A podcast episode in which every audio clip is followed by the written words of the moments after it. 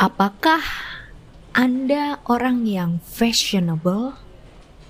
Atau Anda merasa tidak terlalu peduli dengan penampilan? Apa pun pilihan Anda, tidak bisa kita pungkiri fashion telah menjadi bagian yang lekat dalam hidup kita. Sudah bukan rahasia lagi bahwa fashion adalah salah satu lini industri yang paling progresif di dunia. Fakta bahwa sandang merupakan kebutuhan primer manusia menjadikan fashion sebagai salah satu sektor bisnis yang paling langgeng. Besarnya kebutuhan umat manusia akan produk sandang membuka peluang yang lebar pula bagi pertumbuhan ekonomi suatu negara. Sebab fashion menumbuhkan geliat industri garmen atau pakaian jadi, alas kaki, tekstil, aksesori dan perhiasan dan masih banyak lagi. Namun, ibarat cucian kotor, selalu ada sisi lain di balik industri fashion yang jauh dari citra glamor.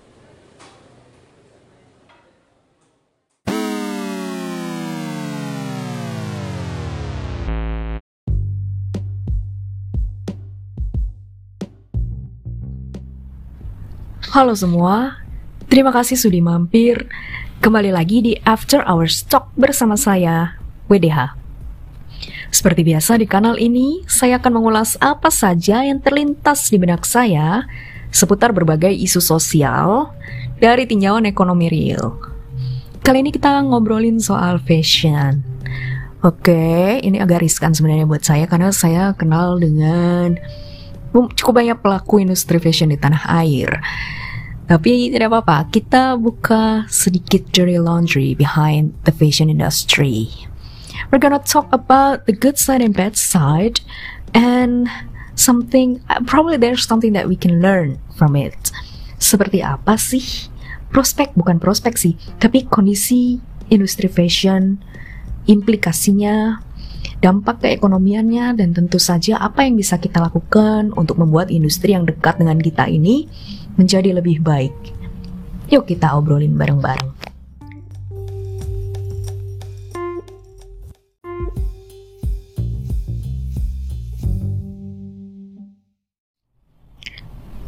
Membahas jelek-jeleknya industri fashion.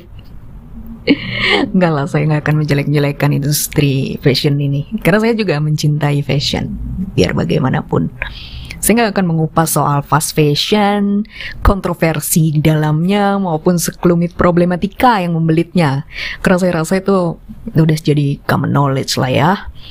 Saya ingin bahas yang lain aja dari industri fashion. Kenapa kok saya tiba-tiba tertarik nih? Ya selain karena emang saya mencintai fashion, alasan yang kedua itu ini masih berkaitan dengan serial podcast saya beberapa waktu terakhir yaitu tentang celah-celah atau ceruk-ceruk yang bisa kita masuki untuk mendapatkan penghasilan tambahan di tengah pandemi. Nah, salah satu yang masih banyak dilirik sama orang adalah berbisnis fashion. Wah, fashion ternyata masih on demand. Jadi, uh, seperti dua podcast lalu, saya bahas soal uh, berbisnis pre-love goods. Jika Anda belum sempat mendengarkan, nanti silakan dicek kita mengulas soal mengapa kok ini lini fashion ini selalu akan selalu ada demandnya dan akan selalu cuan prospektif. Nah, uh, sekarang apa namanya uh, sentimen terhadap produk dan merek lokal di industri fashion tuh lagi tinggi tingginya. Jadi nggak heran ya kalau kita buka medsos atau buka marketplace gitu, banyak banget uh, clothing line, clothing label, clothing brand independen baru lokal bermunculan setiap hari. Entah itu produk sepatu, tas, aksesori, baju, dan macam-macam apparel, macam-macam. Tiap hari bermunculan baru pemain-pemain. Ini mengindikasikan berarti demandnya masih cukup oke okay nih. Cuman gimana sih? Apa ya apa aja yang perlu kita tahu sebelum kita terjun ke industri tersebut? Apalagi kalau masih pemula banget ya, masih basic. Nah, yang pertama kita harus tahu medannya. seperti apa sih positioning industri fashion di dunia? Saya mengutip risetnya Clean Clothes nih. Jadi, industri fashion di dunia menyerap lebih dari 75 juta pekerja. Itu keserapnya bukan cuma industri fashion yang maksudnya dalam bentuk baju gitu, pakaian jadi, enggak.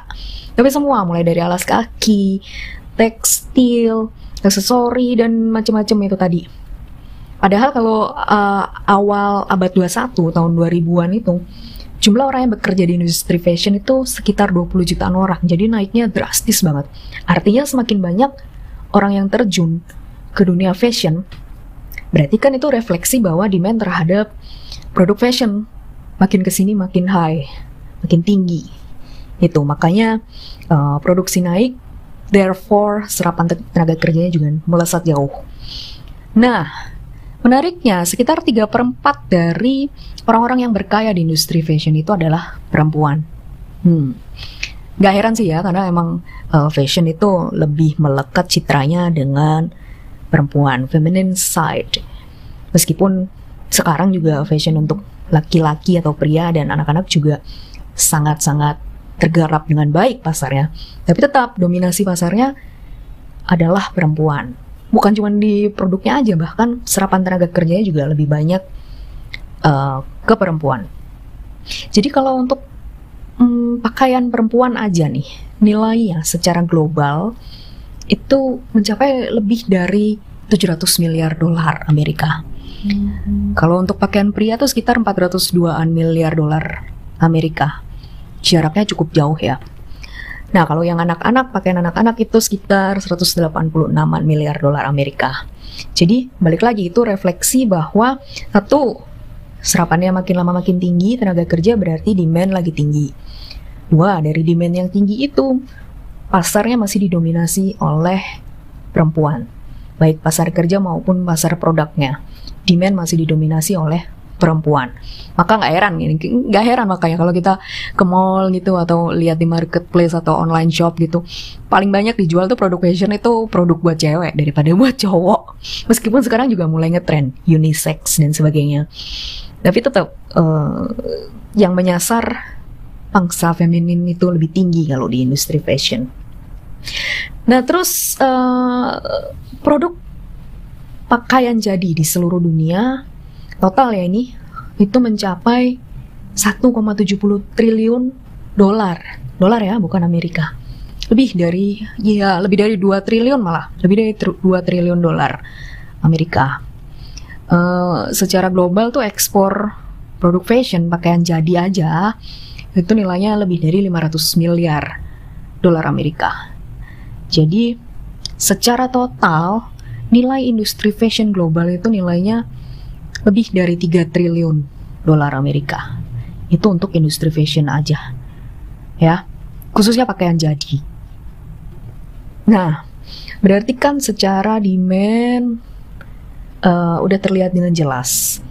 Fashion ini adalah lini yang nggak ada matinya.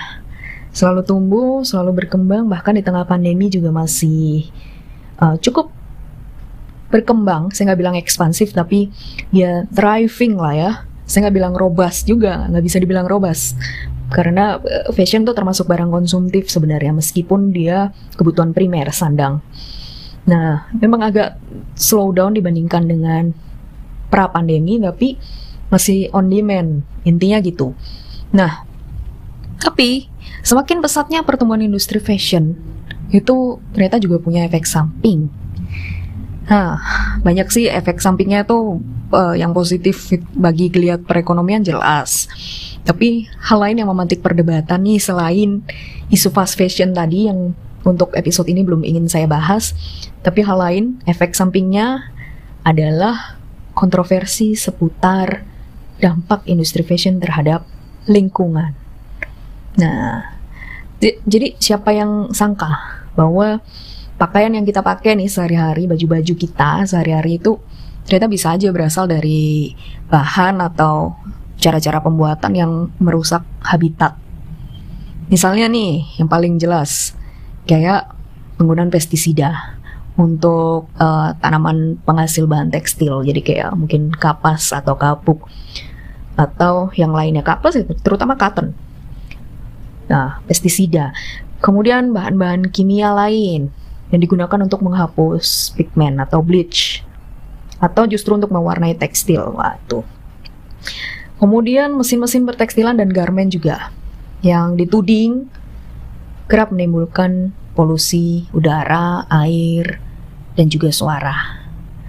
Hmm, saya nggak ingin menuding uh, industri pertekstilan yang ada di dalam negeri karena bagaimanapun TPT tekstil dan produk tekstil itu juga salah satu tulang punggung kita. Cuman saya ingin mengutip uh, laporan dari Earth Pledge. Setidaknya ada 8.000 jenis bahan kimia yang digunakan untuk mengolah bahan mentah menjadi tekstil. So, every material, setiap bahan kain ini yang kita pakai nih, atau yang dipakai kebanyakan orang, Seenggaknya butuh 8000 jenis bahan kimia untuk menghasilkan pakaian kita pakai ini. Tidak hanya itu, 25% pestisida di dunia itu digunakan bukan untuk tanaman pangan, tapi justru untuk menumbuhkan tanaman kapas non organik. Ya, pestisida bukan untuk tanaman pangan, pertanian, tapi untuk bikin baju. Jadi fakta-fakta pedih semacam itu di balik gemerlap industri fashion itu juga pada akhirnya makin menimbulkan desakan atau suara-suara untuk membuat industri fashion lebih beretika. Ya, jadi hmm, mulai muncullah kesadaran-kesadaran uh, untuk membuat industri fashion sedikit lebih ethical, ramah lingkungan gitu. Nah, dari sana lantas beberapa tahun belakangan muncullah konsep sustainable fashion atau fashion berkelanjutan yang diklaim tuh lebih ramah lingkungan dan juga lebih ramah sosial. Nah, seiring dengan gencarnya kampanye sustainable fashion ini, mulai banyak nih pegiat atau pebisnis atau perancang mode dari berbagai belahan dunia, termasuk di Indonesia yang mulai berlomba-lomba menawarkan produk fashion yang lebih uh, earth friendly, lebih apa namanya ramah lingkungan baik dari sisi pemilihan bahannya maupun metode pembuatannya. Jadi kalau beberapa desainer yang uh, mengusung konsep sustainable fashion yang setahu saya yang terkenal itu kayak Stella McCartney, terus Lucy Tamam, terus kayak uh, Ryan Jude Novelin, kayak gitu-gitu. Nah terus juga uh, banyak banget nih bermunculan label-label fashion yang eco-friendly di yang terkenal cukup terkenal di uh, tingkat global. Uh, apa ya contohnya tuh kayak Generation Pacific kalau pernah dengar atau kayak Amorphert, terus uh, Darusso, Heavy Eco, terus uh, macam-macam sih Armed Armed Angels, terus banyak sih ya ya mungkin nggak begitu populer di Indonesia tapi kalau di tingkat global uh, khususnya di utara ya di Eropa sama Amerika itu mereka terkenal banget. Nah, beberapa hal yang harus dipertimbangkan nih dalam mengembangkan fashion berkelanjutan atau sustainable fashion itu ini misalnya Anda tertarik untuk terjun ke bisnis ini yang perlu diperhatikan adalah salah satunya penggunaan serat alami. Jadi bukan yang berbasis petroleum untuk membuat kain, kancing, kacamata, sepatu, tas, dan sebagainya. Selain itu juga uh, penggunaan selulosa selain dari kapas. Jadi misalnya bisa substitusi substitusinya tuh misalnya bisa pakai kayak rami, bambu, jagung, kedelai, nanas, pisang, masih banyak lah macam-macam. Terus juga penggunaan protein alami seperti sutra, anggora, uh, bulu unta, wool, kasmir, dan sebagainya. Nah, uh, dari segi proses pembuatannya juga sustainable fashion itu tentunya memfungsikan bahan-bahan alami ya. Jadi misalnya kayak polimer dari jagung. Jadi pewarna-pewarna alami. Terus uh, apa tuh namanya yang indigo, yang warna kebiruan itu Uh, kemudian nggak hanya itu proses produksinya juga dilakukan melalui daur ulang atau pengolahan limbah. So it's a zero waste uh, business. Nah sayangnya uh, sebagian besar perancang sama label-label fashion yang berstatus sustainable itu tadi itu masih didominasi Eropa. Beberapa juga banyak yang main di Kanada sama Amerika Serikat.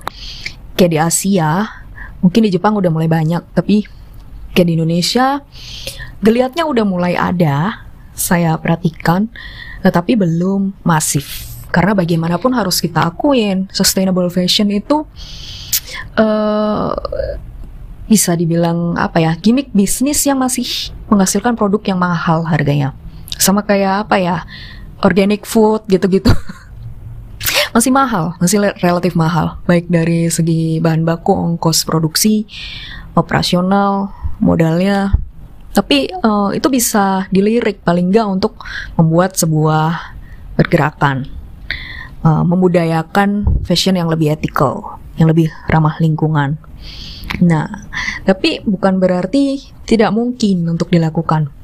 Kalau Anda tertarik menggelutinya, karena apa? Indonesia itu punya begitu banyak sumber serat alami. Hmm. Dan lagi pula, demand fashion di Indonesia itu sangat tinggi. Jadi, Anda berinovasi dengan produk-produk fashion yang lebih ramah lingkungan misalnya, atau lebih ethical, demand akan selalu tinggi. Jangan takut kalah saing sama uh, industri garment yang bisa produksi massal. Kenapa kok saya bilang demandnya tinggi? Nah, jadi kelihatan. Jadi fashion itu sektor penopang yang paling kuat dalam industri kreatif di Indonesia.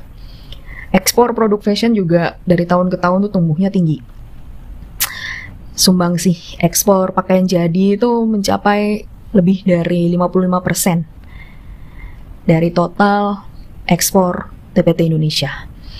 Nah, tahun lalu, kok tahun lalu, beberapa tahun lalu maksud saya, saya ingat uh, waktu saya masih ngepost di desk fashion di media saya, uh, pemerintah melalui Kementerian uh, Pariwisata dan Ekonomi Kreatif itu sempat punya target bahwa Indonesia mampu menjadi fashion hub dunia pada 2025.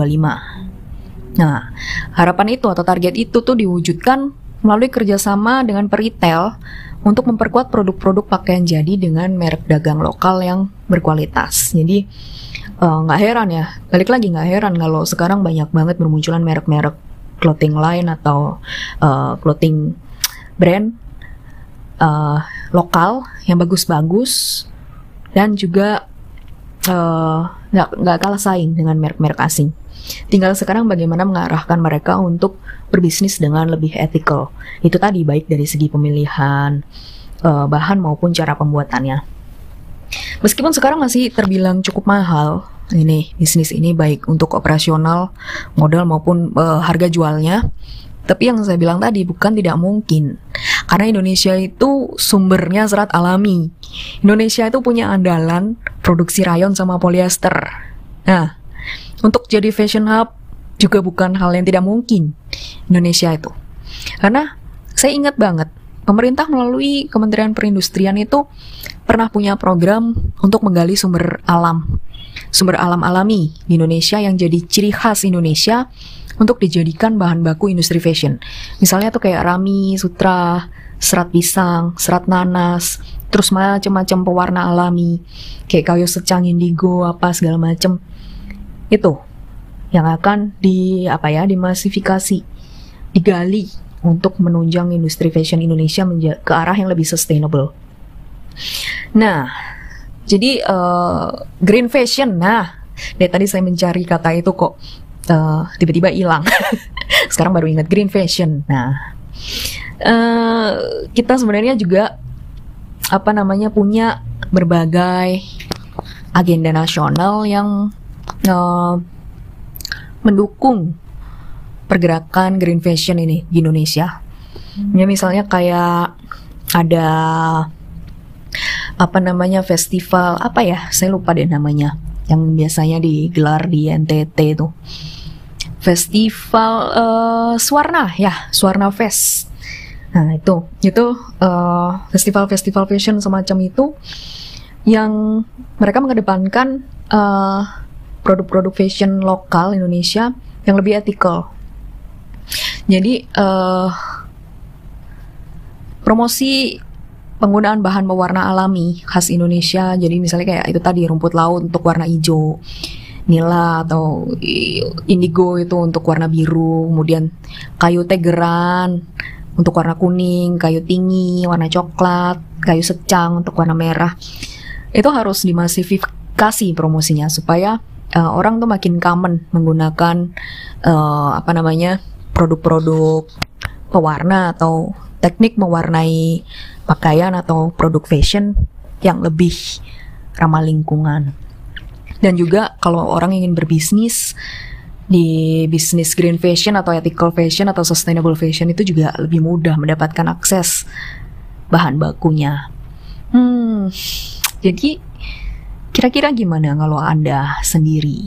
Apakah Anda tertarik menjadi bagian dari uh, penggerak perubahan wajah industri fashion Indonesia?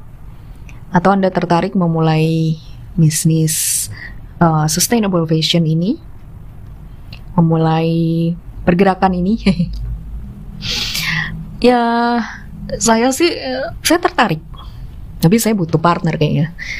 Karena itu tadi harus diakuin memang sekarang um, untuk mendapatkan bahan baku atau perajinnya untuk mengolah uh, produk fashion yang sustainable memang sekarang masih agak sulit di Indonesia. Tapi bukan tidak mungkin sekali lagi. Karena kita punya semua sumber daya tinggal kita membuat itu menjadi common. Kurang lebih seperti itulah. Kita harusnya bisa menjadi bangsa yang fashionable tapi tetap peduli sama lingkungan.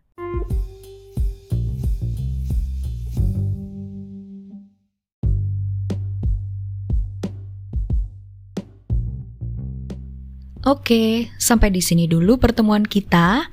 Jangan lupa, After Our Stock akan update tiap malam pada penghujung hari untuk menemani waktu santai Anda. Silakan follow atau subscribe jika Anda menikmati kanal saya. Sampai berjumpa di lain kesempatan. Dadah.